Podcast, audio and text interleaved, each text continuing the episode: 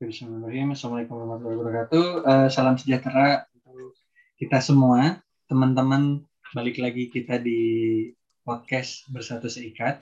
Kali ini kita bareng Bu Dokter, Bu Dokter Chen Chen panggilannya. Tapi nanti kita tanya siapa sih Bu Chen Chen ini Halo Bu Chen, silakan perkenalkan diri. Sudah lama tak jumpa dan tak bersua. Eh kita ngobrol sih sempat ya. Tapi kalau ketemu fisik udah lama banget. Iya. Eh hey, Chen, kenalin Chen. Siapa sih Chen Chen sekarang sibukannya? Ya, um, halo teman-teman bersatu seikat. Pertama-tama terima kasih Uji udah mau bikin podcast tentang aku nama nama aku uh, Sandy Puspitasari, cuma ya teman-teman manggilnya Chen-Chen dan aku juga senang dipanggilnya Chen-Chen. Ya, aku mm, dari Indonesia, aku gelarku dokter, cuma sekarang uh, sudah pindah ke Kanada dan untuk mendapatkan gelar dokter itu di sini agak susah tapi still doable mungkin nanti tapi sekarang sih ya gelarku mungkin masih masih dokter tapi sekarang menjalani hidup sebagai ibu dan sebagai student. I see. Jadi Bu Dokter ini sempat berkecimpung atau emang udah masuk di apa namanya bukan industri kalau itu para pekerja tapi udah masuk ke ranah ya udah udah kerja di rumah sakit gitu ya. Uh, terus akhirnya uh, Chen pindah karena mhm. setelah menikah persis setelah menikah Chen pindah ke sana ya langsung. Iya aku pindah ke sini uh, langsung setelah menikah. 2000 berapa berarti uh... jadi aku menikah uh, itu teh uh, tahun 2016 Cuma kan untuk resign dari rumah sakit itu aku nggak bisa langsung. Jadi aku uh, proses resign itu akhir tahun 2016 dan pindah ke Kanadanya tahun 2017. I see. Nah, uh, menarik tuh. Tadi kan Chen ceritanya kalau akhirnya pas ke sana nggak bisa langsung jadi dokter kenapa sih yeah. pertama itu ya kenapa sih eh, nggak uh, boleh mm-hmm. nggak mm -hmm. boleh ada dokter dari luar terus uh, kan padahal juga Cincin sekolah di Indonesia nggak bentar ya gitu untuk jadi dokter gitu tapi pas ke sana yeah. nggak bisa langsung jadi jadi dokter itu yang pertama Nah yang kedua mm-hmm. juga udah sekolahnya lama, Jason kan juga sempurna ya sekolahnya. Dulu IPK sempurna kedokteran hewan luar biasa. Itu belajarnya gimana itu? Nanti kita bahas yang itu. Tapi sekarang, sekarang Aku malu. sekarang ceritain uh, pas masuk ke Kanada ini apa ada regulasi yang berbeda tuh kenapa sih? Uh, dan akhirnya Chen kan ambil uh, sekolah lagi. Nah itu hmm. apa yang diambil sekolah?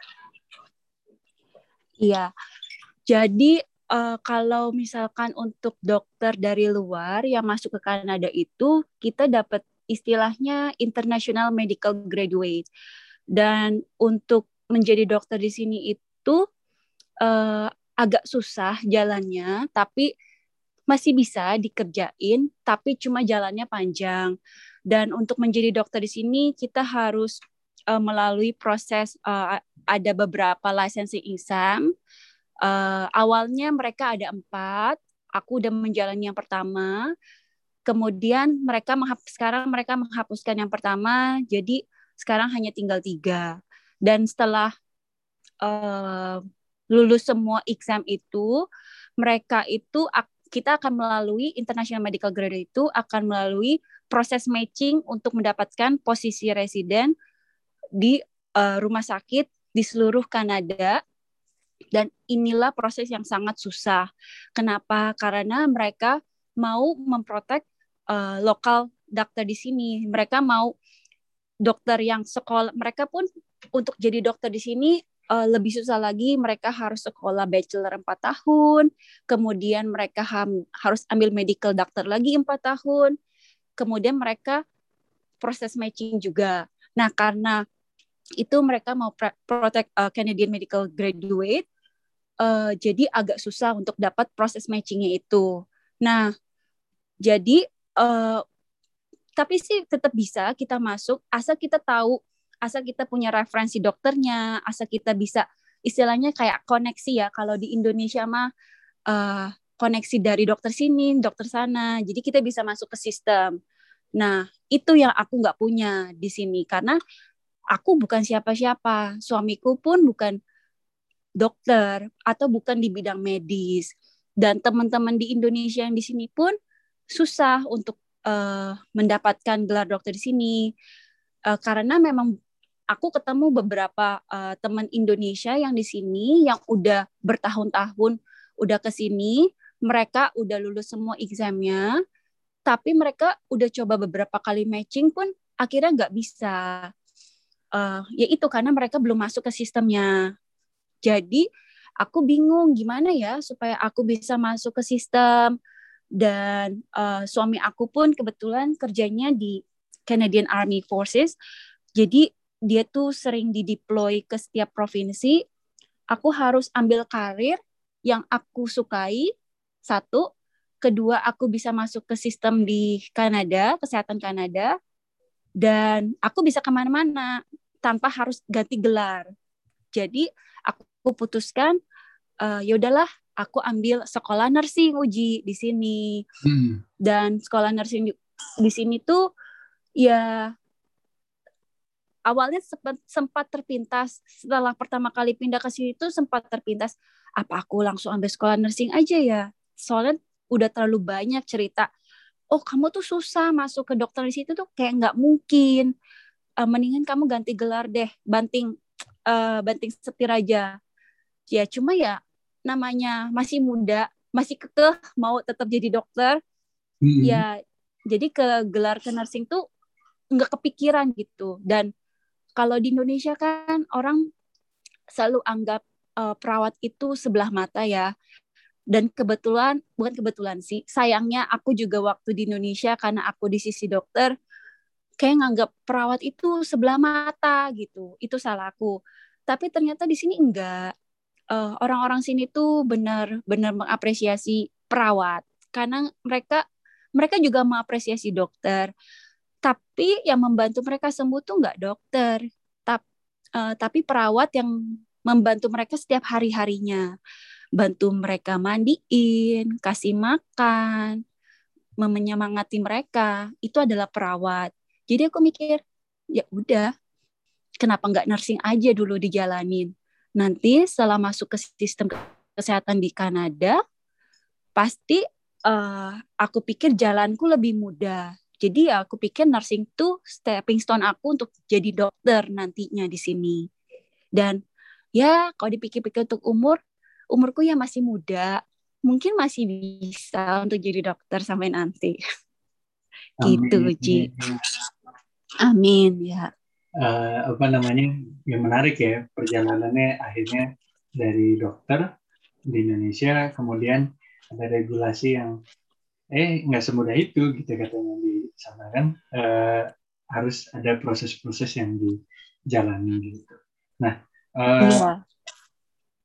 Berarti nanti prosesnya uh, apa namanya tetap akan jadi nursing, tapi kesempatan untuk jadi dokter dari nursing itu nanti gimana? Apakah sepanjang kuliahnya tuh sepanjang kayak di Indonesia atau dia ada ada apa ya kemudahan-kemudahan tertentu karena udah sekolah nursing gitu.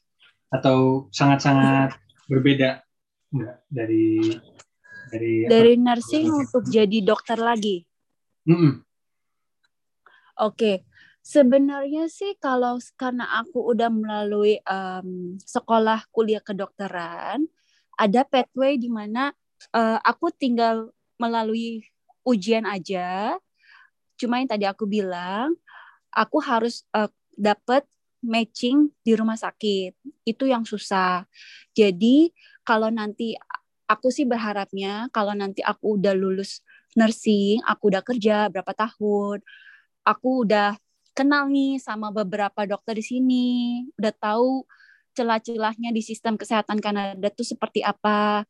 Nanti aku tinggal setelah aku lulus ujian, aku tinggal itu tinggal apply lagi untuk matching residensi di rumah sakit di Kanada. Dan kalau misalkan itu mulus, aku bisa dapat matching, aku tinggal sekolah uh, residensi kedokteran yang aku mau. Misalkan aku mau jadi dokter keluarga atau family physician di sini, aku hanya sekolah lagi dua tahun. Kalau misalkan aku mau dokter anak, misalkan sekolahnya empat tahun. Sama seperti kalau di Indonesia, kita sudah lulus dokter umum, mau ambil spesialis, kita sekolah lagi. Nah, jadi aku uh, waktunya hanya untuk sekolah spesialis itu.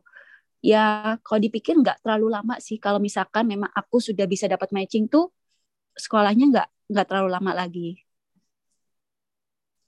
Oh, gitu. Iya, iya. Mm-hmm. maksudnya kan nggak harus ngulangin. Enggak, iya. Jadi, Tapi kalau misalkan aku mau sekolah ngulang lagi dari awal, aku bisa. Tapi aku harus melalui ujian MCAT yang mana aku harus ujian fisika, biologi, kimia, matematika, dan aku nggak sanggup. Otakku udah tua untuk uh, belajar semua itu. Jadi ya. Ya tapi kan sekolah, eh sekarang sekolah lagi kan sekolah nursing. Maksudnya nggak ada iya, ujian itu ya untuk untuk preparing maaf uh, maaf lagi ya ribet ya. Aduh nggak sanggup uji dan mereka wah enggak deh.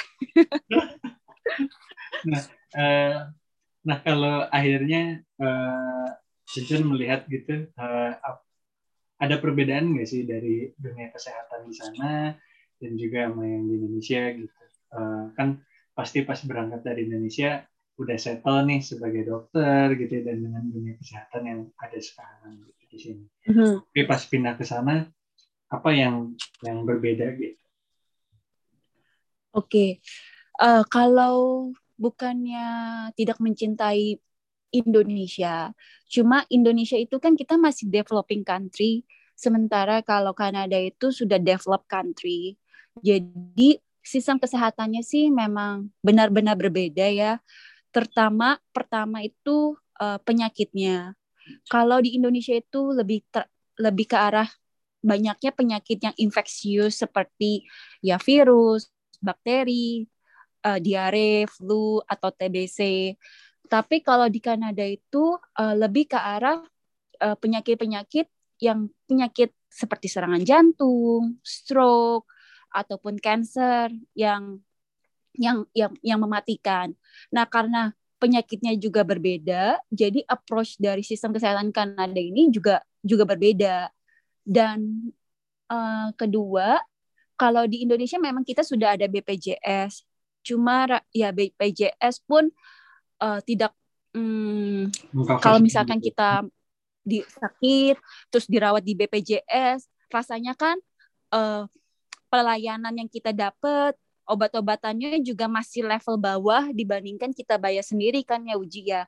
Hmm. Tapi kalau di sini itu mereka uh, sudah ada istilahnya ya ya memang ada asuransi kesehatannya. Jadi kalau misalkan kayak aku uh, sudah sudah PR di sini, aku tuh uh, ya kalau misalnya aku sakit, aku ke family doctor, aku nggak bayar dan aku hanya bayar obat dan untuk bayar obatnya itu pun uh, ya tergantung kalau misalkan aku kerja di rumah sakit eh di kantor yang ada insuransinya aku bisa nggak bayar sama sekali at full coverage atau cuma bayarnya 80 persennya. Itu yang menurut aku bedanya. Jadi kalau di sini kita tuh istilah mau ke dokter ya ya nggak perlu mikir ada uang nggak ya? Mau ke dokter kalau kita sakit nih ya udah ke dokter aja booking appointment. Nggak perlu mikir ada uang apa enggak kalau orang Indonesia kan aduh sakit. Kalau ke dokter perlu biaya. Belum lagi nanti obatnya. Itu sih yang yang bedanya juga. Dan um, enak enaknya kalau di sini sistem kesehatannya uh, ada screening. Karena kita kayak misalkan aku uh, punya satu family doctor ya udah dokter aku tuh cuma satu itu aja. Aku, aku bisa sih untuk cari family doctor lain cuma ya susah untuk bookingnya. Karena rata-rata family doctor yang uh, yang udah lama tuh udah full book. Jadi aku nggak bisa nggak bisa sign up sama mereka. Kalau di Indonesia kan kalau kita nggak suka sama satu dokter umum ya udah ke dokter umum yang lainnya kan. Kalau di sini nggak bisa. Iya dan karena aku sudah punya satu family doctor enaknya itu jadi history atau riwayat rekam medisnya tuh cuma satu di dokter itu jadi dokternya ini ngerti oh kamu tuh sebelumnya ada ini sekarang kamu punya ini kalau di Indonesia kan karena ganti gonta-ganti dokter dan tergantung dokternya lagi apakah dokternya itu mau menanyakan riwayat pasien sebelumnya. Jadi mereka istilahnya nggak nyambung gitu. Kalau dokter yang nanya, pasien yang nggak menjelaskan, ya dokternya kan kalau di Indonesia nggak tahu gimana riwayat uh, pasiennya kan. Kalau di sini kita semuanya tahu uh, dokternya. Jadi kalau misalkan, oh kamu udah umur segini, uh, dan kebetulan sebelumnya kamu ada riwayat seperti ini. Oh, saya anjurkan screening. Nah, screening itu lagi yang berbeda di sini. Karena mereka punya budgetnya, kayak misalkan aku harus rutin pap smear tiap tiga tahun sekali dan itu free. Kalau di Indonesia, balik lagi, uh, siapa yang mau mengingatkan? Ya memang sih ada eh, dokter-dokter selalu mengingatkan uh, untuk pap smear. Tapi kalau Indonesia kan harus bayar. Dan uh, orang mikir ah udahlah udah papmi papmi sekali kenapa harus berkali-kali? Nah bedanya itu di situ. Jadi kalau di sini dokternya menganjurkan kita untuk screening untuk meningkatkan kesehatan kita. Kalau di Indonesia sayangnya belum bisa seperti itu. Karena sistemnya ya masih masih belum sempurna kalau menurut aku sih itu ya uji ya yang uh, aku perhatikan karena aku kan masih student jadi aku belum tahu benar-benar untuk kerjanya tapi kalau dari sisi pasien perbedaan sistem kesehatan di Kanada Kanada dan Indonesia tuh seperti itu. I see. Nah, uh, mm. balik lagi ke yang awal ya, saya mm. kan menyelesaikan kuliah di sini juga dengan sangat-sangat baik gitu. Terus gimana cara, cara belajar itu? Masih dipakai nggak tuh cara belajarnya gimana cara belajar di kedokteran? Karena kan uh, mungkin hafalannya jauh lebih banyak ya. Uh, uji nggak tahu ya uh, uh, detailnya tapi yang pasti uh, karena kakak uji dokter juga hmm. terus ngelihat buku di rumah itu banyak banget dulu gitu. Ini kan harus diapalin ya gitu. Ya mungkin uh, sekarang mungkin ada teknologi yang bisa bantu apa ya uh, untuk ngeksplor inilah lebih lebih dalam gitu tapi kan dulu uh, harus harus bisa menghafal. Gimana tuh cara cara cincin dulu bisa menyelesaikan dengan sangat sangat sangat sangat sangat baik waktu kuliah di Indonesia? Dan sekarang gimana uh, strateginya pasti di sana ya di Kanada? Mhm. Kalau sebenarnya sih kalau balik lagi tips and triknya itu sebenarnya asal tekun belajar, uh, datengin setiap kelas ketika kuliah, maksudnya nggak absen, nggak nitip absen. Kemudian uh, setelah kuliah diulang lagi materinya, uh, kemudian um, apa lagi ya? Tapi sebenarnya sih kalau menurut aku aku yang penting itu tekun belajar sih uji. Tekun belajar dan tetap mengulang. Memang uh, terlalu banyak uh, uh, di kedokteran itu yang perlu dihafal tuh terlalu banyak. Cuma nggak semua dokter tuh menghafal menghafal semua itu. Kita tuh belajar berdasarkan pengalaman juga. Karena kita sering terekspos karena kita sering mengulang jadi kita lama-lama jadi kebiasaan lama-lama kecantol juga di ke, di kepala kita. Jadi seperti itu. Jadi tekun belajar sering mengulang dan ya puji Tuhan si uji memang lulus dengan dengan sempurna. Dan yang aku pakai untuk sekarang ini sebenarnya agak susah untuk melalui itu semua karena aku sekarang uh, sudah punya anak. Jadi uh, konsentrasiku pun terbagi. Cuma tetap uh, yang aku praktekin itu ya ketekunan itu dan datangin setiap kelas benar-benar mendengarkan lecture-nya karena aku nggak bisa kalau aku harus mendengarkan lecture di rumah karena aku punya anak. Jadi ketika aku di kelas tuh aku fokus 100% ya nggak main handphone nggak nggak ngelihat yang lain dan kalau kan ada beberapa temanku yang melakukan itu dan mereka bisa mengulang di rumah. Tapi kalau aku nggak bisa. Jadi aku harus konsen 100% ketika kuliah dan ketika di rumah aku mengulang lagi tapi setelah anakku tidur.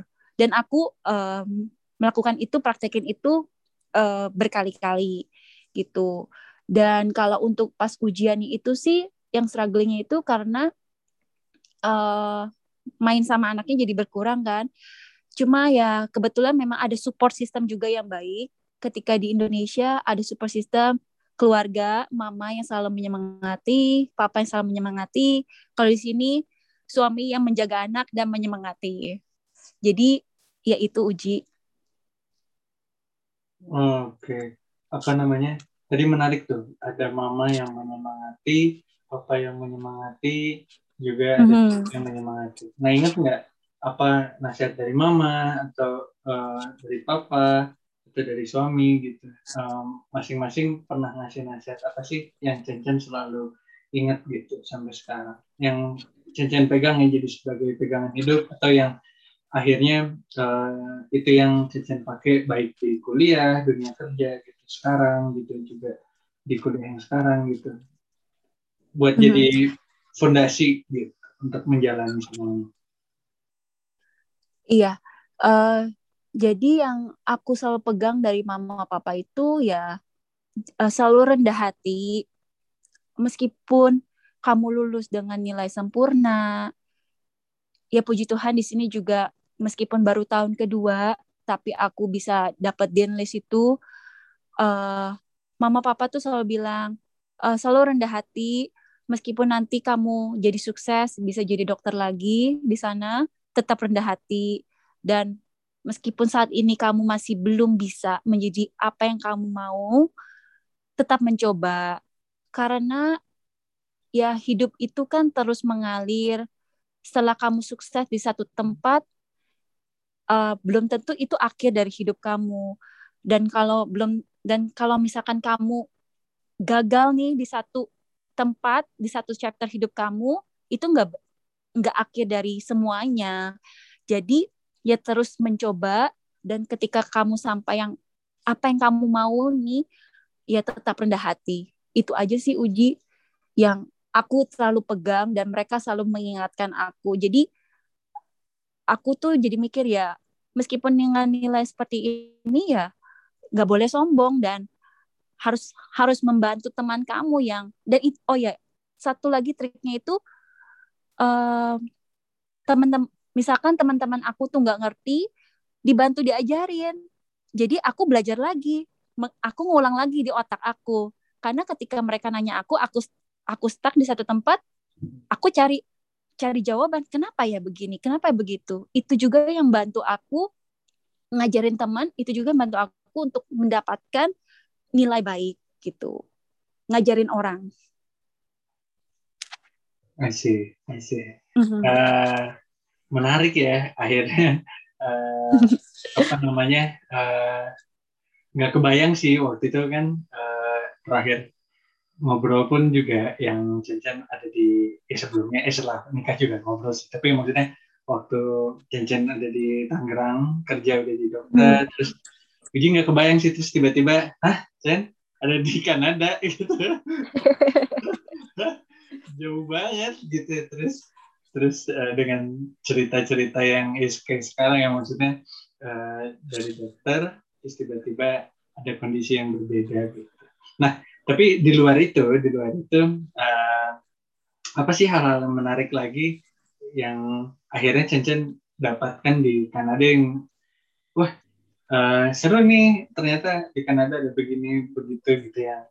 Uh, apa ya kalau bahasanya Marie Kondo itu apa uh, spark joy gitu ya kalau nggak salah nah apa namanya oh.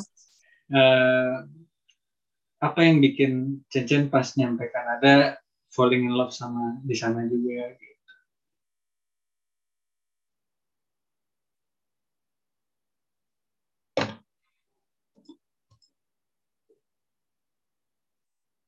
Uh, commute Chen. Oh maaf, uh, ya.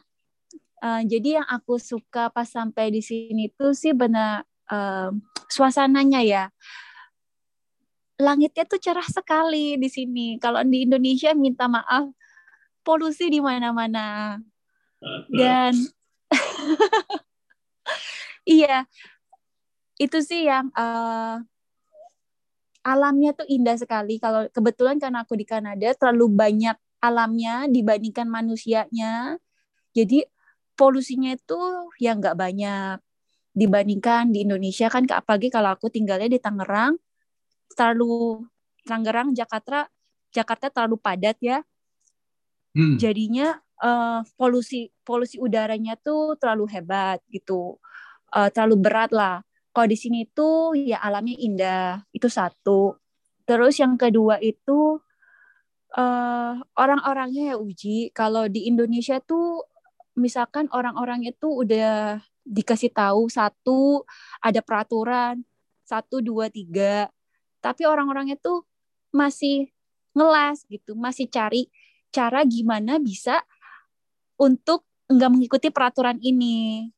Kalau di sini tuh orang-orangnya teratur, lebih teratur. Ya, ada sih beberapa yang juga nggak mematuhi, tapi kalau dibandingkan di Indonesia ya lebih teratur, sistemnya lebih terkoordinasi. Itu yang aku suka. Kemudian uh, ya yang yang yang lebih utamanya sih ya karena suami aku di sini jadi ya mau nggak mau aku harus menyukai di sini juga hmm. meskipun aku masih masih kangen sekali sama Indonesia meskipun itu panas tapi kadang menyenangkan juga kemudian uh, keluarga. Cuma kalau di sini karena aku sudah punya anak jadi aku juga punya keluarga itu yang bikin aku betah juga di Kanada. Sama musimnya ya uh, di sini aku jadi bisa merasakan kalau di Indonesia kan kita cuma punya dua musim kalau di sini ada empat musim. Aku bisa merasakan ya salju tuh gimana uh, winter sport itu kayak gimana yang pengalamannya aku nggak bisa dapetin kalau aku tinggal di Indonesia enaknya sih itu ya uji orang-orangnya alamnya kemudian sistemnya di sini lebih teratur kemudian untuk masa depan uh, anak-anak pun nanti bisa lebih ya bisa lebih baik gitu Ji. Nah, uh, masih menarik kan ada kangennya juga ya pasti ya, rasa itu nggak bisa ditutupin gitu. Nah, apa ya yeah. sekarang apa aja sih yang dikangenin dari Indonesia menurut Cecen? Wah ini tuh, oh ini nggak ada di Kanada nih kayak mungkin makanannya atau apa pun gitu yang akhirnya uh, wah ini nggak akan pernah tergantikan si kangennya ke Indonesia tuh hal-hal ini gitu. Apa tuh Chen? Ya, pertama memang satu itu ya. Kalau di Kanada itu, meskipun di sini banyak Indonesian culinary food itu, makanan di Indonesia, makanan buatan mama itu gak ada yang nandingin gitu. Jadi, ma makanan Indonesia tuh yang pertama yang yang dikangenin. Kedua tuh uh, kemudahan di Indonesia ya. Kalau misalkan kalau di Indonesia kan kita mau pesen makanan, mau pesen apa-apa, sekarang lebih gampang ada Gojek atau ada kalau kita misalkan mau belanja online ada Shopee atau Tokopedia dan itu ya di sebenarnya di sini juga ada cuma lebih mahal gitu dibandingkan di Indonesia. Kalau di Indonesia tuh ya lebih murah itu yang dikangenin. Lebih murahnya itu. Kalau di sini apa apa lebih mahal. Dan kalau online shop itu uh, ya ya lebih mahal itu. Terus nggak semudah kayak di Indonesia. Dan kalau di Indonesia tuh uh, ada uh, tukang kaki lima kalau di sini ya ada sih food truck tapi ya food trucknya itu ya harganya sama mahalnya kayak makan dine in di restoran kalau di Indonesia kan kalau kita pedagang kaki lima lebih murah ya Nah, itu yang dikangenin. Jadi kalau misalkan di Indonesia jalan-jalan keluar, eh ada tukang batagor, ada tukang sioma, ada tukang ini. Kalau di Indonesia, kalau di sini ya nggak ada kayak gitu. gitu. Terus apa lagi ya? Uh, liburannya sih kalau di Indonesia hanya kangen kalau di tempat kotaku itu kan lebih ke arah mountain gunung kalau di Indonesia kan lebih kita mau ke mana-mana banyak ya pantai hmm. paling liburan liburan pantainya itu sih yang yang ngangenin kayak ke Bali ataupun kayak uh, ke Kalimantan kayak gitu sih yang dikangenin tapi ya ya nantilah kalau bisa pulang lagi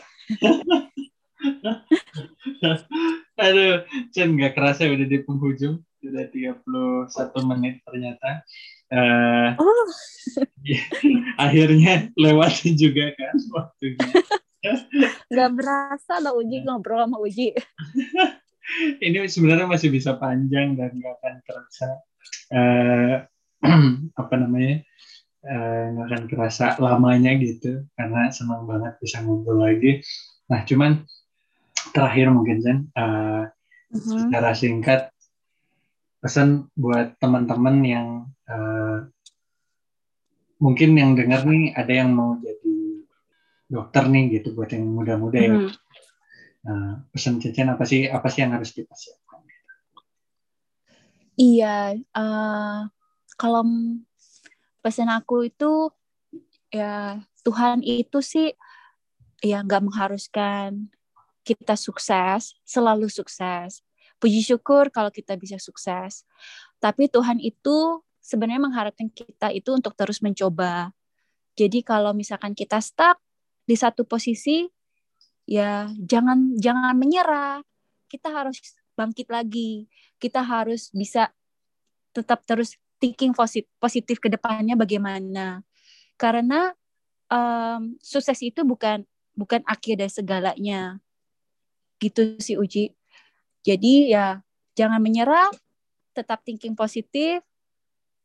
Uh, uh, semuanya itu akan indah pada waktunya. Gitu Uji. I see. Chen, thank you banget. Uh, semoga yeah. Sehat-sehat selalu di sana, Mas suami. Amin. Uji, terima kasih juga. Sukses lancar uh, kuliahnya, segera jadi dokter lagi di sana.